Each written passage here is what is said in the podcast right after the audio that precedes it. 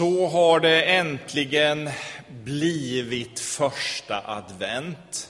Som man längtar, som man väntar och trängtar efter detta. Naturen den har klätts av sin prakt och gått in i vintervilan. Och mörkret, även om det just nu lyser starkt av sol, så har ändå mörkret på något sätt trängt sig allt närmare och slutit sig runt oss. Dagarna är korta och vi får tända de där ljusen i fönstren som jag tror betyder så mycket för så många av oss. Skapar ett slags välbehag kanske. Har du Bibeln med dig så får du gärna slå upp profeten Sakarja och hans nionde kapitel. I början av gudstjänsten så läste jag ju huvudtexten för första advent, där vi hör hur Jesus red in i Jerusalem.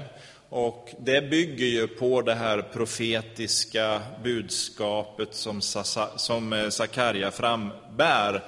Och vi läser en vers där i Sakarja kapitel 9 och den nionde versen.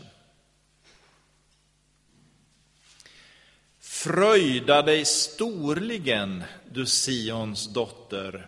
Höj jubelrop, du Jerusalems dotter. Se, din konung kommer till dig. Rättfärdig och segerrik är han. Han kommer ödmjuk, ridande på en åsna, på en åsninnas föl.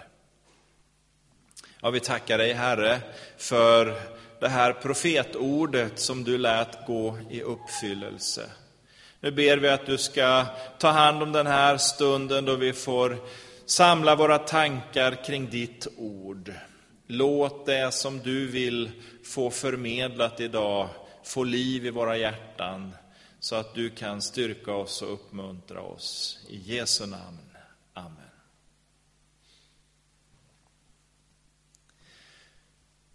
Jag har satt en liten rubrik för den här predikan.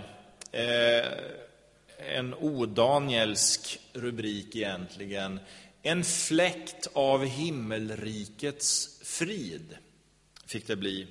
Eh, och det finns, som du förstår, en, en koppling till Karl Bobergs text i eh, den sång som vi kommer att avsluta vår gudstjänst med så småningom idag. En fläkt av himmelrikets frid.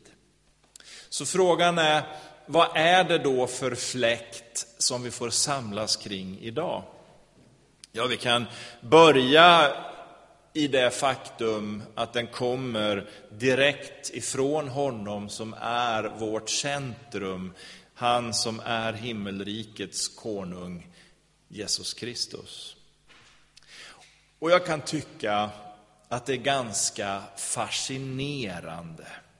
Tänk att i en skapelse som förvisso är oerhört vacker många gånger för oss, eh, så är Gud, trots fallenheten eller den fallna skapelsen, så är Gud närvarande.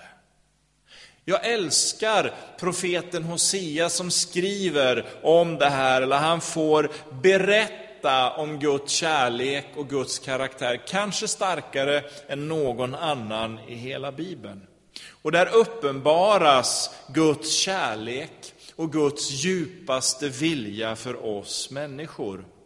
Och på ett ställe säger han, och jag har många gånger stavat på det där, så säger Gud att han är just Gud och inte människa. Alltså vi kan inte tänka på Gud som att han agerar och resonerar så som vi så många gånger gör. Så um, istället för att kanske bli långsur och arg på en mänsklighet som väljer att vända honom ryggen, så väljer Gud att finnas nära oss människor. Han avskärmar sig inte, utan han kommer för att omsluta oss med all sin nåd och all sin barmhärtighet. Vi började gudstjänsten idag med att sjunga Gå Sion, din konung att möta. Och i den andra versen sjöng vi att han kommer från eviga fröjder. Han lämnar sin tron av kristall för att läggas på strå i ett stall. Tittar vi på mänskligheten och vår tid och världens sätt att tala så handlar det mycket om att förverkliga sig själv, att arbeta sig upp till en högre nivå. Andra religioner och filosofier talar gärna om vad vi ska göra för att också höja oss och komma upp. Men den kristna tron vänder på det och talar åt motsatt håll. Det handlar om att Gud själv stiger ned till vår värld för att bli som en av oss. Han kommer oss till mötes. Därför profeterar också Sakarja med orden Se, din konung kommer till dig. I den meningen att vi behöver inte söka honom. Det är han som söker oss och våra hjärtan. Det är han som kommer till oss.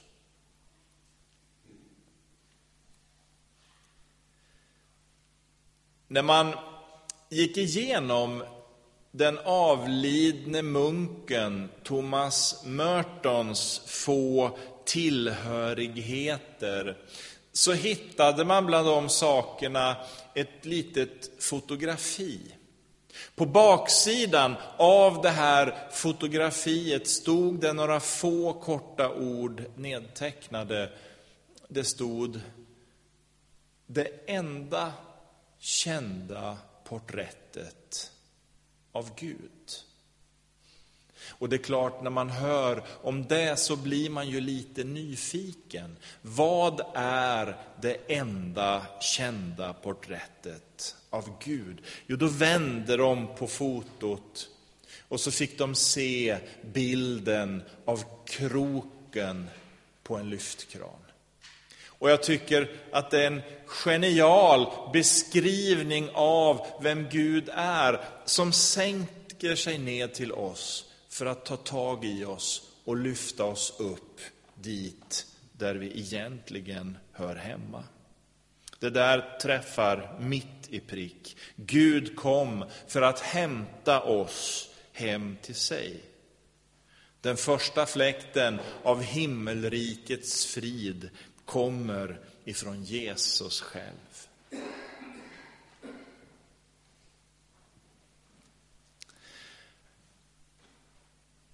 Och går vi vidare och funderar nu på hur det är att leva idag och i vår tid, så vet jag inte, men om man nu ens orkar följa med i nyhetssändningar och hålla sig uppdaterad i politikens underbara värld, eh, så undrar man ju många gånger, vad är det som händer i världen? Och jag tror att man där också behöver påminnas om att det finns en fläkt av himmelrikets frid som vill svepa fram över världen.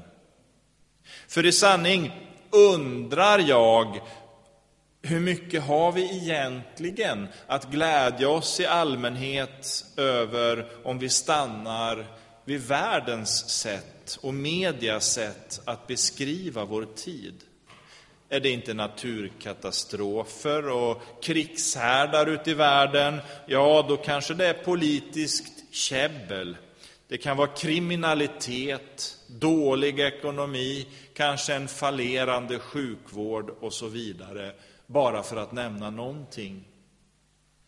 Så det är inte bara att dagarna blir kortare så här års, man kan också tycka att mörkret i form av ondskan på olika sätt tränger sig allt närmare. Jag vill inte säga det som en domedagsprofet och stå och måla allt i svart, för det finns ju mycket gott omkring oss också, självklart. Bara att få möta er här idag är ju den största lycka och glädje för mig i alla fall.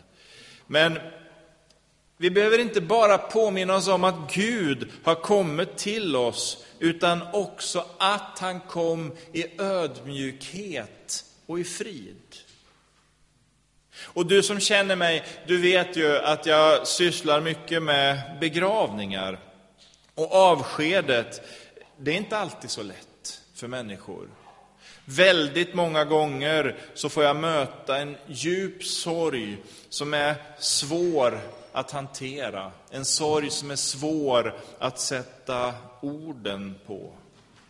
Människor sörjer utan det kristna hoppet om himlen, i tron om att allt handlar om bara här och nu. Därför gäller det att suga ut det mesta.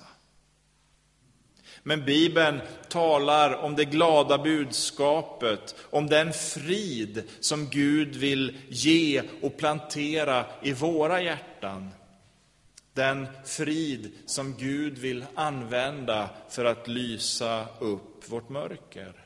Det finns ett ljus, det finns ett hopp. Den andra fläkten av himmelrikets frid ger oss en tro för framtiden.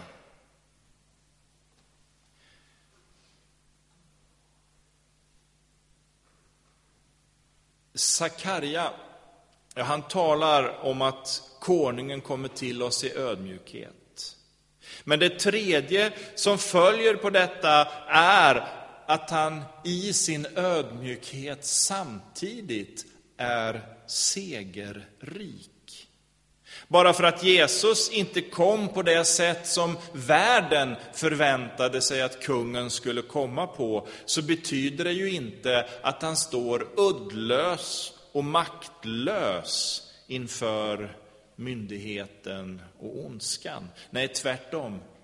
Jesus kom på det sätt han kom för att det var enda sättet att vinna en fullkomlig seger.